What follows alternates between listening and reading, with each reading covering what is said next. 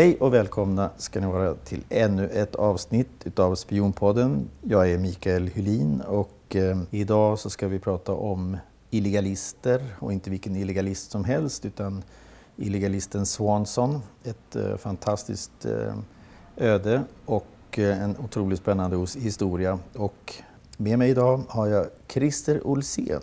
Välkommen! Tackar. Det är kanske bättre att du presenterar dig själv. Eh, Jag är 65 år idag. Jag började min yrkesbana som polis och eh, eh, sen vart jag direkt efter grundutbildning överförd till Säkerhetspolisen. Men jag har också flera års tjänstgöring min- inom underrättelsetjänsten. Eh, Jag arbetade inom säkerhetstjänsten fram till 1989, så ungefär när Berlinmuren föll så lämnade jag och gick ut och arbetade som jurist. Eh, Då hade jag läst in en juristutbildning parallellt med mitt jobb på, på Säpo. Eh, Jag jobbade på som jurist fram tills jag fyllde 60 för fem år sedan. Då pensionerade jag mig. Och nu ägnar jag rätt stor del av min tid åt att forska och skriva och föreläsa kring ämnet underrättelse och säkerhetstjänsternas historia. Ja, men du har ju också varit ordförande i föreningen Sveriges öga och öra. Vad är det egentligen? Det var en förening som grundades av den tidigare chefen för kontraspionage, Tore Forsberg. Han tyckte att vi borde som flera andra länder börja dokumentera underrättelse och säkerhetstjänsternas historia i, här i landet. Och för det syftet så kallade han samman lite folk, varav flera var veteraner från den branschen. Och man beslutade sig för att bilda en förening. Och eh, namnet Sveriges öga och öra, eh, som kan ju verka lite underligt, det kommer från en minnessten över, över den legendariska underrättelsemannen major Helmut Ternberg. Och på den minnesstenen ute i Galärvarvsparken på Djurgården så står det Fäderneslandets öga och öra 1939 till 1945. Och vi ägnar oss åt att forska och informera om just den här historien som jag nämnde. Och då, för att eh, göra det praktiskt genomförbart så har vi en bakre gräns på år 1900 och den främre, senare gränsen ligger då 1991, det vill säga då kalla kriget sades ha upphört. Men du, idag så eh, ska vi då prata om illegalister. Eh, och då måste jag ju då ställa frågan, vad är en illegalist? Illegalister var någonting som öststaterna använde sig av. Nu, nu, det jag pratar om nu det gäller ju under kalla kriget men i väsentliga delar så gäller det fortfarande än idag. Och illegalister var spioner men det var inga vanliga spioner utan det var, så, utan det var istället otroligt noga utvalda personer som fick en mycket avancerad spionutbildning som kunde vara allt från två till tre år ända upp till sju år. Och att utbildningen var så lång det var för att de skulle lära sig ett eller flera språk i praktiken flytande. Illegalisten han fick en stulen identitet. Det kunde vara någon som hade avlidit eller försvunnit för många år sedan. Och så byggde man upp en, en levnadshistoria ut, ut, eh, efter den här identiteten som var stulen. Och det då menar du att personen eh, har dött i ett annat land? Eller? Jag kan dött annat eller försvunnit. Till Ja. exempel sådana som försvann i bombningen under andra världskriget. Så kanske 12-14 år senare tar man upp den här tråden och ungefär som om personen levde. Fast då är det istället en illegalist som tar den identiteten. En annan person alltså? Ja, en annan person. Och då så får, får man bygga upp en, en eh, levnadshistoria, så kallad legend. Och det är en oerhört, komplicerad, eh, oerhört komplicerat arbete. För det, det måste ju hålla för en granskning, den här, eh, här, den här levnadshistorien. Och det kallar man legend? Det är det som man kallar för, för legend. Okej. Och, den skulle ju då illegalisten lära in och sen var det förstås en rad andra ämnen som skulle läras under, under de här åren. Och inte minst när man, han sen skulle komma till ett annat land. Hur funkar det att vara i det här landet? Att bo och leva? Hur gör man när man ska betala räkningar? Vad har man för traditioner? Hur hittar man i stan? Hur, hur köper man en biljett till lokaltrafiken? Vad är det politiska klimatet? Och så vidare och så vidare och så vidare. Och där hade ju stödofficeren på, på om vi pratar om Sovjet, på Sovjets ambassad ett stort ansvar att ta fram det här underlaget som illegalisten kunde få så att han skulle kunna smälta in i det nya landet som vilken medborgare som helst och inte framstå som en, en, en eh, turist. Och när man förde ut illegalisterna efter utbildningen till, till väst så hamnade de först i ett land som kallas legaliseringslandet. Dit kom de då med falska ID-handlingar, falsk pass. De fick bosätta sig i det här landet, bo och leva som vilken invånare som helst. Och efter två, tre, fyra, fem år beroende på land så kunde de söka medborgarskap. Och så fort de hade fått medborgarskapet då kom ordet, nu ska du åka till ett annat land och det var mållandet. och den bild jag har är att illegalister visste nog inte i förväg vilket mållandet var egentligen. Men eh, eh, men det måste ju vara extremt komplicerat att ta över någon annan människas identitet och komma hem och kanske träffa någon familj? Eller? Ja, det ser man i det här fallet som vi ska prata om och hur svårt det är. Fallet Swanson. Ja, mm. det, det, det, måste vara oerhört komplicerat. Och även att bo och leva som en illegalist. Med, med, du lever i ett ständigt bedrägeri, du har alltid risken att du blir upptäckt och får ett långt straff. Den legala residenturens personal kunde inte straffas, de blev ju bara utvisade. Men illegalister, om man skulle upptäckas, skulle ju få ett långt fängelsestraff och i vissa länder till och med dödsstraff. Och det här blir ju klart en press. Och det var ju så att de de hade ju från öststaterna problem med illegalister som, som började misskötas och ta till sprit när de tyckte att de, de fick någon form av förföljelsemani. Ska vi hoppa till eh, fallet Swanson? Ja, och det här är ju ett oerhört tragiskt eh, spionfall för, för alla berörda. Och det handlar, man ska rama in det om en saknad släkting som kom tillbaka till Sverige efter 38 år, men i en helt ny skepnad. Och då var det så här, på 1920 och 30-talet så, så, var det många svenskar som flyttade till Sovjetunionen i tron att de skulle bli lyckliga där och få vara med och bygga upp världens första arbetarstat. Och det var oftast personer från norra Sverige som flyttade dit, ivrigt uppmuntrade av det Moskvatrogna svenska kommunistpartiet. Men, men de som flyttade de blev ju grymt besvikna. Det var en hård tillvaro de hamnade i. De fick eh, bo i enkla baracker som var kalla, fulla med ohyra, det var brist på mat och det var problem med sjukdomar och barnadödlighet. Varför, varför flyttades de dit? Varför fick de bo där? Ja, det var så man tog emot den i Sovjetunionen. Så det stämmer ju inte alls överens med den propaganda som, som spreds i Sverige, att gå med och bygga upp den nya arbetarstaten. Mm. Så många blev ju grymt besvikna. 1923 då levde en familj som heter Svansson som bodde i Nacka utanför Stockholm. Till Nacka? Ja, det var lite oväntat att det var från Stockholm där, eftersom de flesta eh, som flyttade var från Norrland. Men de flyttade då till Petrosavodsk som ligger vid den finska Karelen. Familjen det var pappa Nils, mamma Margareta och så hade de tre söner som heter Bertil, Arne och Karl-Olof som är huvudpersonen i den här historien. De blev placerade på ett jordbrukskollektiv, det fattades arbetskraft där. Mamma Greta fick börja på jordbrukskollektivet och pappa Nils fick börja arbeta på statlig fabrik i närheten. De första tio åren så hade familjen Svansson brevkontakt med släkten i Sverige men någon gång 35 måste någonting ha hänt för sen kom inga fler brev. Eh, svenska familjen tog kontakt med Röda Korset för att få hjälp att leta efter familjen men, men utan resultat. Mm. Men långt senare fick släkten veta vad som hade hänt familjen. Eh, pappa Nils eh, hade för, blev, råkat ut för en olycka, vilket var en omskrivning för att han hade blivit fallit offer för Stalins utrensningar. Eh, mamma Margareta... varför, hade han, varför hade han blivit... Var han inte bara en vanlig arbetare? Han var vanlig arbetare, men, men, Stalin var ju väldigt yvig när han skulle göra sina utrensningar. För det var så här att i USA fanns det en skräck för, för, för ryssen som var stor. Mm. Och, och, men man ska då veta att i, i Sovjet så var skräcken för väst mycket, mycket större. Mm.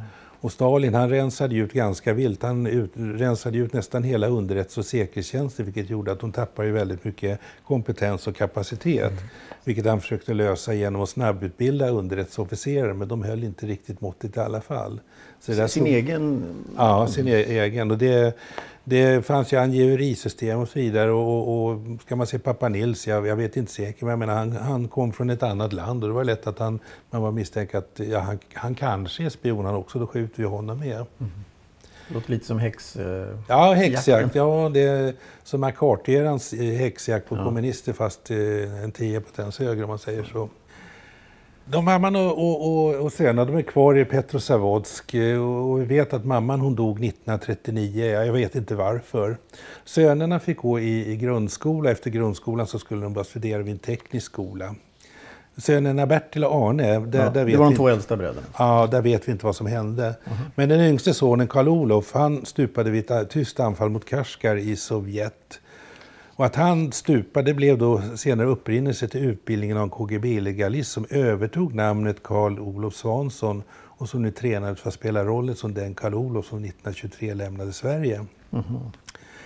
Den sovjetiska underrättelsetjänsten som vi känner under KGB... Men var hittades eh, kroppen någonstans? Nej, det var inte så att de hittade kroppen utan NKVD som var den sovjetiska underrättelsetjänsten, sedermera omdöpt till KGB, de gick igenom arkiv över stupade soldater mm. och, och fann då eh, den här Karl Olof som passade perfekt för dem. För de behövde något underlag för en person som kunde svenska och som skulle utbildas till legalist, ha Sverige som legaliseringsland och sen efteråt föras över till ett NATO-land. Och det här skedde, skedde ju långt innan man började eh, aktivera Karl Olof så att de var ute i väldigt god tid och planerade. Så, så eh, den här, originalet Karl Olof stupade under kriget? Ja, han stupade under kriget. Vilket, mot tyskarna eller? Ja, mot tyskarna. Okay. Uh -huh. Och sen så tog man då till sig hans identitet för att kunna skicka honom till eh, sätta den identiteten på en ny person som sen efter utbildning skulle skickas till Sverige. Så då hittar man alltså en person som påminner om Karl Olof i ålder och, ja. bygg, och kroppsbyggnad som ja. kan svenska ja. och den personen börjar man utbilda till att bli Karl Olof ja. Svansson. Ett problem var ju att den här officeren som man då utbildade, han var ju fem år yngre och, och, det var ju, jag kommer till det sen, det var en släkting, hon blev lite misstänksam mot honom just Aha. för att det, det tyckte det stämde inte riktigt. Nej.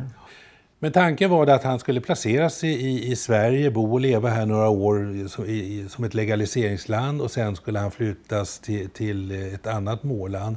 Och den här eh, han, han var utbildad så han pratade både turkiska och italienska så därför ligger väl i farans riktning att det var något land, NATO-land där man pratade turkiska och italienska mm. som han skulle placeras i i slutändan.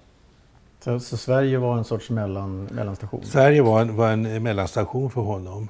Och då fick den här officeren lära in det han behövde för att kunna dels sköta spionjobbet men dessutom fick han ju lära sig eh, allt om släkten Svansson. Och det visar ju att KGB hade ju kartlagt släkten och, och historien och man hade bilder så att han, han skulle känna igen personerna när han kom tillbaka.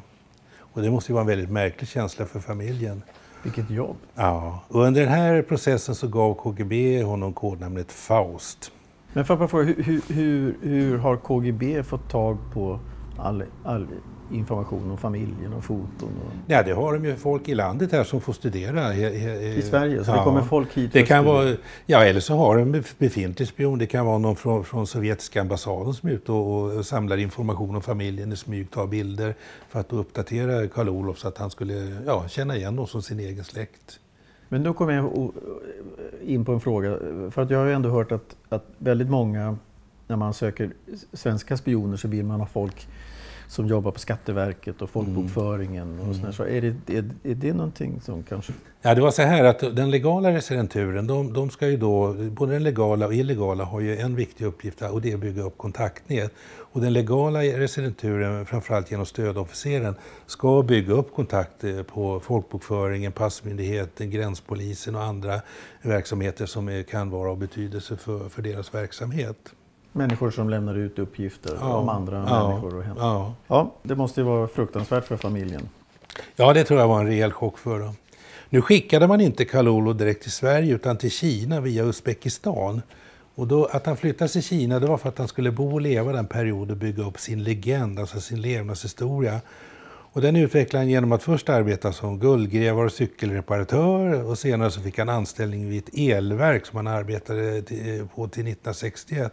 Han sa också att han hade varit gift med en kinesisk kvinna men hon hade dött i barnsäng vilket förstås inte alls eh, är med sanningen överensstämmande. 1960 eh, tog Karl Olof kontakt med svenska ambassaden i Peking och då berättade han sin eh, så kallade levnadshistoria och lyckades få ett pass i namnet Karl Olof Svansson. Och efter att ha lurat den eh, svenska ambassaden i Peking så började han skicka brev till släktingarna i Sverige och de blev givetvis jätteglada när de hörde av honom efter alla års tystnad. Nu när passet var utfärdat då gav KGB Karl Olof klartecken att resa till Sverige. Släkten var jätteivrig att få hem honom. Man gick i god för honom ekonomiskt och betalade till och med hans biljett till Sverige. Oj. Och i det första brevet till släkten som, som illegalisten Karl Olof skrev, där, där nämnde han... Men får jag bara fråga? Alltså, förlåt, det, det, det, är för att jag, jag blir så konfunderad. Det innebär, alltså, om han dog i, i andra världskriget någon gång vid 40-41. Mm. Eh, man väntar alltså i nästan 20 år. Mm. Man, mm. mm. Det måste ju vara otroligt resurskrävande att det, det var en, och tålmodig det, verksamhet. Ja, ja det, det, var ju en enorm organisation. Och just det här verksamheten inom första huvuddirektoratet på KGB, att bygga upp levnadshistorier, det, det, det, det, krävde mycket resurser. Men det gäller genomgående för illegalisterna, 13, 14, 15 upp på ett antal år för att eh, eh, innan man börjar aktivera den här identiteten igen i en ny, med en ny levnadshistoria.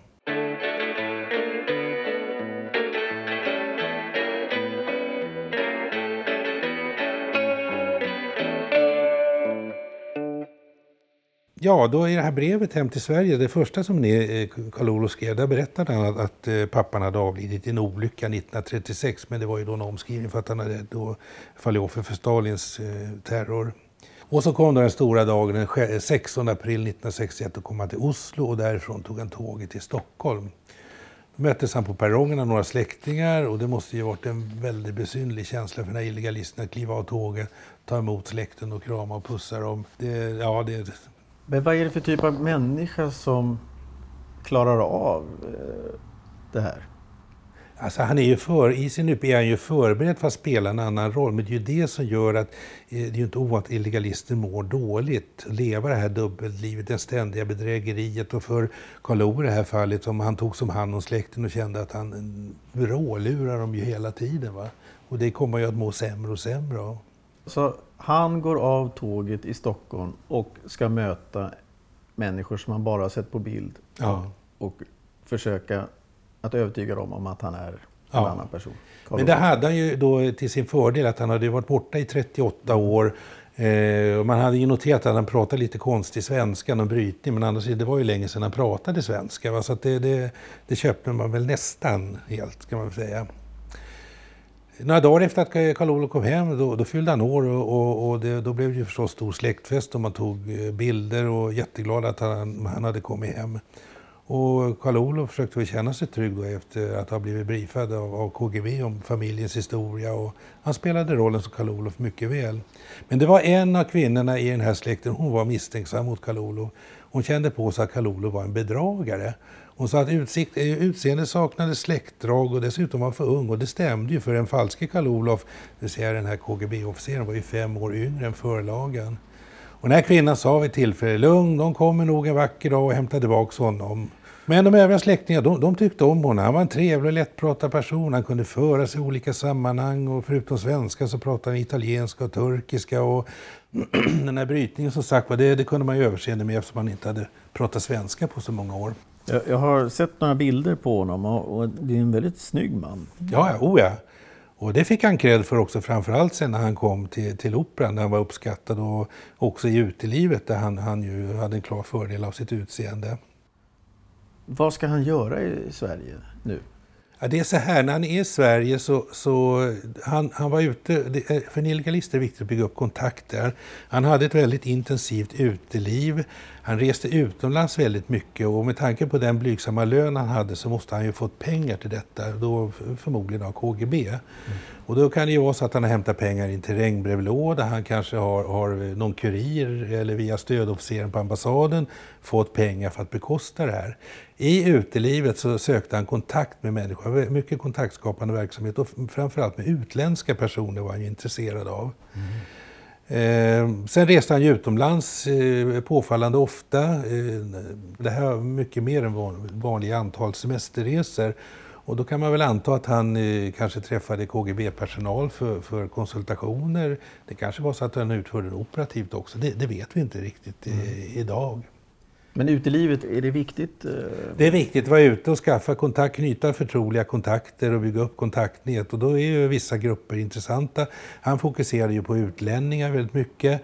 Eh, men som, jag nämnde tidigare här med folkbokföring, gränspolis och så olika passmyndigheter och så vidare. Det är ju intressanta eh, kontakter att knyta. Men vad han, jobbade han med då? Han jobbade som mekaniker till att börja med. Okay. Eh, han, han, träffade många kvinnor men han, han ville inte komma för nära utan han höll dem liksom på armlängds avstånd för att inte bli för djupt engagerad i den relation, relationen. Och, och, man får väl förutsätta att han, han fick pengar från, från eh, KGB på något sätt. Då. Eh, han hade mycket radioapparater hemma och jag skulle bli jätteförvånad om det inte var så att han tog emot instruktioner via eh, kortvågsradio hemma. Och som jag sa, man behöver ingen avancerad utrustning utan en vanlig enkel radio med ett kortvågsband på. Och de här informationerna som sänds över för, kunde ju vara på telegrafi eller telefoni och, och sen började man även jobba med olika tonsystem som man använde. Men telefoni och telegrafi var ju väldigt vanligt i början. Och, då, då, och, och de, de meddelanden eh, Kun, vad, vad, skulle ett sånt meddelande... Ja, det är en instruktion vad han ska göra. Kanske det gäller att inrikta sig på att kontakta vissa personer. Det kan vara eh, att han ska åka till ett annat land för möte med, med och konsultation med någon KGB-officerare. Eh, att han ska åka och tömma en brev, terrängbrevlåda på information. Mm. Eller kanske åka till viss plats och få pengar för sin fortsatta verksamhet. Han var ju påtänkt för slutlig placering i ett NATO-land. Han talade ju både italienska och turkiska, så det ligger väl i farans riktning att det var någon av de länderna som var föremål för, för eller var det tänkta mållandet när han skickades ut i Sovjet. Och det beror på varför? Ja, man såg ett behov. Alltså de, de tänker väldigt långsiktigt. Det ser vi när man börjar leta rätt på en identitet som långt senare via Sverige ska över till ett NATO-land. Eh, och eh, sen vet ju inte då vad det skulle vara tänkt för funktion i det här NATO-landet mer än att vara illegalist. Men där är ju återigen att man kan säga illegalistens huvudsakliga roll var ju egentligen att bo och leva som vilken invånare som helst. Blir det krig, ambassadens personal åker ut, Sovjets personal åker ut och då ska den här illegalisten ta över och bedriva operativa underrättelseuppdrag och också stötta agenter som man har värvat i det landet, alltså landsförrädarna som ska stöttas också. Men om man tar Swanson då, skulle han i sådana fall ha åkt vidare från Sverige med en ny identitet eller som Nej, han skulle haft samma identitet när han flyttar hit. Och då har jag jättefin bakgrund. Han har ju bott i, i Sverige där det är ordning och redan. Och han kanske hunnit begära nytt pass och nytt ID-kort när han kom hit och så åker han då till det andra landet där han bosätter sig. Så, så Sverige skulle kunna ha varit en del av hans legend? Ja. Har vi några illegalister i Sverige idag tror du? Idag vet jag inte, men, men innan har, har vi ju tveklöst haft. Men då, den bild jag har är att de inte är så himla många här, här i Skandinavien som man kanske kan tro. Nu vill jag inte kvantifiera det av olika skäl, men, men eh, eh de hade illegalister runt om, om i världen. Men alltså, det är en oerhört lång utbildning de har. Och, och eh, ser man så här också, skulle det bli ett krig och vi pratar nu under kalla kriget, då hade det blivit kärnvapenkrig så hade det inte varit så särskilt många dagar som de skulle kunna vara operativa egentligen. Nej. Men eh, jag, jag, jag, brukar hävda att de skickligaste spionerna, de har vi inte upptäckt än. De var för bra. Mm. Har, du, har du personligen träffat någon illegalist? Nej, ingen illegalist har jag inte träffat. Vad jag vet i alla fall. Har du haft någon typ av kontakt med någon sorts illegalist? Nej. Inte lyssnat på eller? Lyssnat på har jag gjort däremot. Berätta. Ja, de tog emot, eh, tog emot då, var, var, var du då någonstans? Då var jag Säpo signalspaning. Okay. De tog emot, de, eh, man skickade då information från eh, underrättelseorganisationerna öst till sina illegalister och även man säga, vanliga spioner, och så kallade landsförrädarna i, i väst. Och de där hade vi koll på, framförallt de sändningar som var avsända mot eh, Skandinavien. Det, det var ju extra viktigt. Och att man då samverkade med, med kontraspionaget. För då har man ju en pusselbit, när sitter den här personen framför sin radio? Sen var det ju inte ovanligt att man, man ibland skulle då kvittera eh, spionen eller legalisten skulle kvittera det mottagna meddelandet. Det kunde vara, för att ta ett eh, exempel, jag vet om att lägga en tandkrämstub i, i slutet av en vägtunnel. Och det måste innebära, vid en viss tidpunkt, det måste innebära att någon annan gissningsvis från, från Sovjets ambassad kort efteråt åker förbi och tittar på den här tandkrämstuben, för den lär ju försvinna ganska fort annars. Eh, jag vet ett annat fall. Gäller... Menar du allvar att någon lägger en, tan en ja, tandkräm? Ja, ja det, jag vet ett annat illegalistfall inte i Sverige där, där, där mottaget telegram skulle kvitteras med att lägga lite apelsinskal på en speciell plats, också vid en väg. Och då gäller det att väldigt snabbt efteråt till någon och titta på dem där. Eh, som skulle, en som skulle kvittera genom att ställa en Coca-Cola-flaska på en viss plats. Och då måste ju någon passera och ta bort den här flaskan, för annars kommer det stå en hel back med Coca-Cola till slut. Så att, eh, eh, det finns olika sätt att kvittera att de har tagit emot det här meddelandet. Men det är också ett sätt för underrättelseorganisationen att hålla koll på sin personal. Det här kan ju framstå som en liten paranoid värld ibland. Det är inte så att man springer och jagar varandra med, med med blåslampan hela tiden. Men, men eh, det är lätt att det kan bli missförstånd. Mm. Och, och, det gäller ju alltså att ha is i magen när man gör sådana bedömningar. Eh, och man vet ju faktiskt att det, det kan ju finnas en rad personer som bor och lever som svenskar idag men som själva verket har en helt annat, helt annat uppdrag. Och då har de ju lyckats också att utbilda en person som framstår som en helt vanlig svensk, eller amerikan, eller kanadensare eller fransman som bor och lever som vilken annan men ändå har ett hemligt uppdrag att utföra. Om det skulle hända någonting? Om det skulle hända. Sen var det så här att illegalisterna, jag brukar dela in illegalister i tre kategorier. Dels har vi de här som inte gjorde någonting mer än kontaktskapande verksamhet. Sen fanns det de som ändå i fredstid fick, fick göra vissa uppdrag eh, åt sin, sin uppdragsgivare. Sen har vi de här som jag kallar för stand-by-illegalister. Det var, då pratar jag om KGB. Det var relativt unga illegalister som var stationerade i Moskva.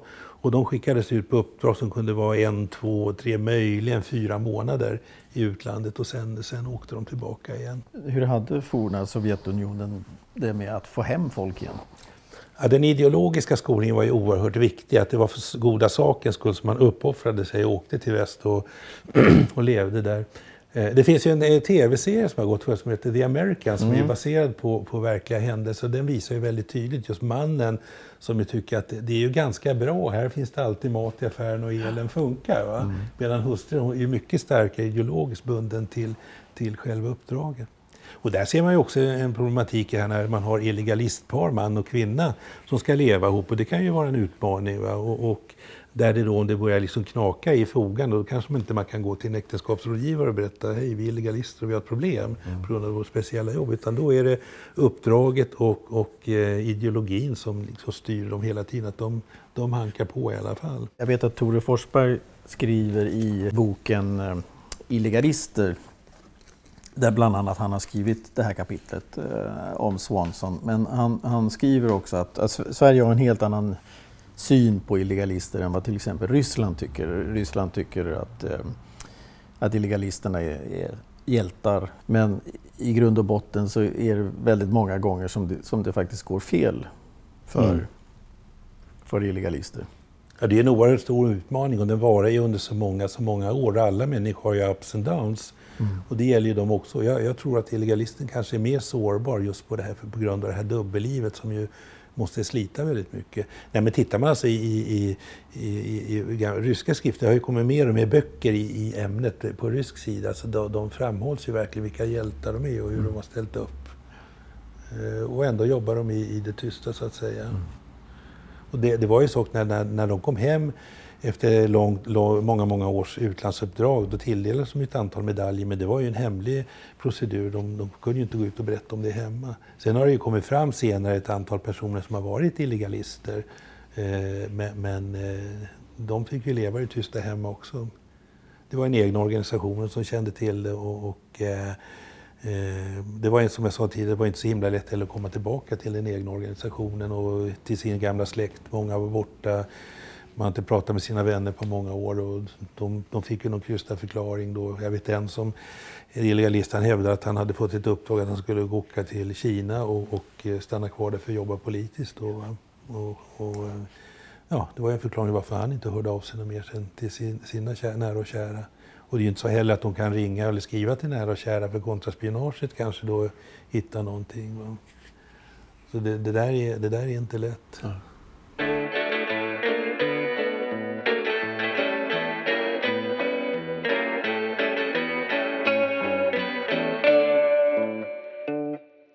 Karl-Olof Svansson. Berätta. Han hade ju en lägenhet eh, i Enskede som är en förort till södra Stockholm och, och, det finns en uppgift om att en ung släkting som besökte honom noterade att det var väldigt mycket tekniska prylar och framförallt radioapparater. Och det får ju mig osökt att tänka på att illegalisterna tar emot sina informationer via krypterade radiosändningar på kortvåg. Och det behöver man ingen avancerad utrustning för, för frekvensen är så avpassad att den signalen går in ganska starkt där, där den här personen, mottagande personen befinner sig. Det räcker med vanlig enkel radio, som en vanlig transistorradio som man har på köksbordet, så drar man upp antennen och signalen med meddelandet går in väldigt, väldigt starkt. Och det här, bara för unga lyssnare då, är innan den digitala eran? Det här är analogt? Det här är, det här är analogt. Analoga ja. radiotransistorer? Ja, det är gamla radioapparater. Man kan säga så här, de moderna radioapparaterna så, så eh, ser man ju digitalt exakt vad det är för frekvens. Ja. Det gjorde man inte på, alltid på den gamla tidens eh, eh, radioapparater och därför hade man ett speciellt förfarande just för att underlätta för spionen att hitta vad är den exakta frekvensen jag ska mm. lyssna på. Men då, kunde, då måste ju andra kunnat lyssna också? Det hörs väldigt bra och vet man vad man ska lyssna efter så är, är det oftast inga problem att hitta en sån där sändning. Och, och, och de, de, de, på nätet, internet kan man ju hitta beskrivningen nummersändningar brukar de ju ofta betecknas som. Jag brukar föredra beteckning agentradiosändningar istället. Men det, jag, jag har läst någonstans om att han var väldigt mycket på, en, eh, på The Embassy Club som ja. låg på Sturegatan. Ja. Um, och det har jag, har jag ju hört väldigt många historier om. Vad, vad var det för en klubb egentligen? Det var en klubb som försökte skapa en internationell prägel och, och om jag inte minns fel så var det väldigt ofta ambassadpersonal som träffades där för att uh, umgås med varandra under lättsamma former. Och, och det, det, skulle ju också kunna vara förklaringen varför han sökte skaffa kontakter bland utlänningar. Man får nästan förmoda att det var eh, utländsk beskickningspersonal som han var intresserad av mm. i det här fallet. När han var i Sverige så träffade han ibland sin stödofficer från den sovjetiska ambassaden och det kanske var då han fick pengar till de här utlandsresorna och för att bekosta det här utelivet som ju måste kostat en, en, en hel del. Mm. Sen hade man också något som heter visningar eh, och, och eh, det, var en kontrollfunktion. Den innebar att den här illegalisten ska vid en viss given tidpunkt och visas på en speciell plats. Och då på långt avstånd så iakttas han av någon från, från ambassaden och om man då visar upp sig så vet man att han är kvar i landet. Han har tagit emot sina instruktioner just om att göra den här visningen. Sen kunde det kompletteras med olika, det finns ju exempel på där man har kompletterat den här visningen med att har du vänster hand i rockfickan så allt är okej. Okay. Har du en hoprullad tidning under höger arm, jag tror jag är övervakad av kontraspionaget. Ja, här kan ju fantasin bygga upp hur många olika varianter som helst. Och det är ju väldigt svårt för, för kontraspionaget att och, och, och övervaka en sån här visning. För menar, men de, låt säga att de följer efter någon från den legala residenturen som ja, står och tittar någonstans. De vet ju inte riktigt vad han tittar på. Va? Och den, den som han ska titta på befinner sig oftast ganska långt borta. Det låter som en spionroman. jo, men det här är ett väldigt spännande område. Karl-Olof då, han, eh, han var ganska vältränad, han var duktig på simning, han var duktig på pingis. Och, och eh, ja, han levde ett ganska gott liv med, med sitt uteliv och många kvinnor och, och, så vidare. Men det här slet ju på honom. Han, han jobbade i några år som bilmekaniker och, och eh, sen tog han ett jobb på Operan som scenarbetare och det är därför han har fått epitetet opera-illegalisten. Opera-illegalisten? Ja, han var väldigt omtyckt av personalen på Operan. Han skötte jobbet väldigt bra. Man tyckte han var trevlig, han var omtyckt.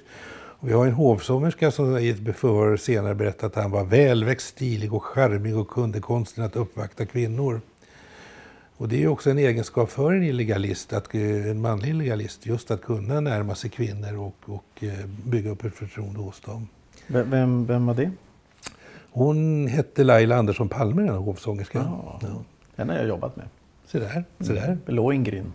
Jaha. Jag har läst att, att han fick ett smeknamn på operan som var kinesen. Berätta, vad var det?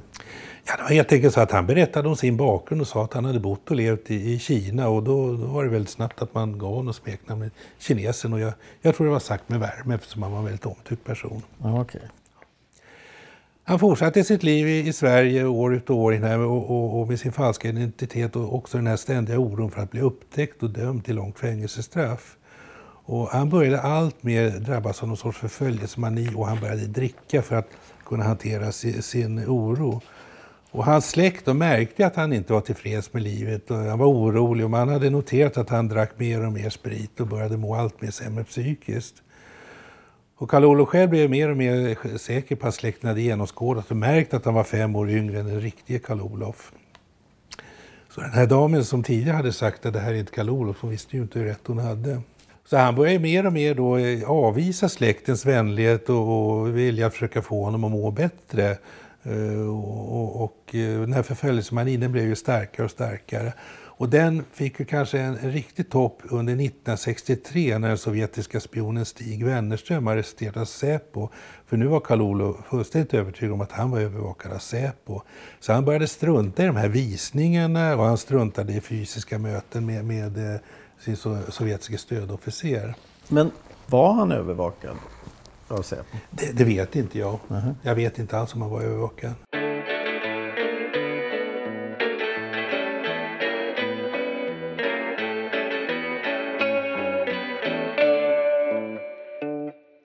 KGB kände på sig att det, det är något som inte är bra. Då skickade de en, en eh, officer med kodnamnet Igor till Stockholm och Igor sökte upp eh, Karl-Olov och fick en skopa ovett. Eh, för Karl-Olov sa att jag är övervakad av Säpo och nu är du det också så nu ligger du riktigt risigt till. Så där, Igor fick ju också förföljelse, man vart ju livrädd.